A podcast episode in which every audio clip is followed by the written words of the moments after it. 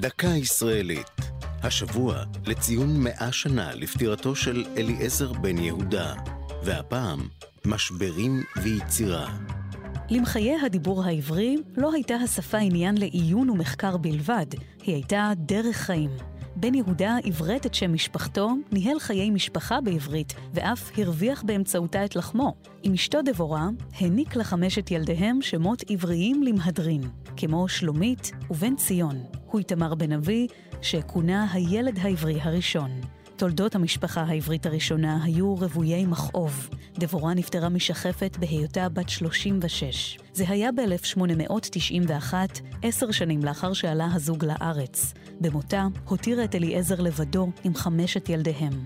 חודשים מספר לאחר מכן נספו שלושה מהם במגפת כרמת, דיפטריה. אחותה הקטנה של דבורה עלתה ארצה, נישאה לאליעזר, עברתה את שמה לחמדה, ולהם נולדו שישה ילדים.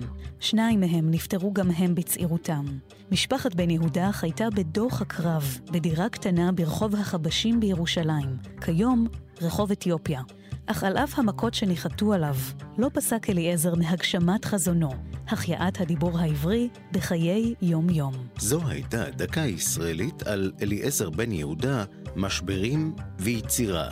כתב נדב הלפרין, הגישה מרים בלוך, עורך ליאור פרידמן.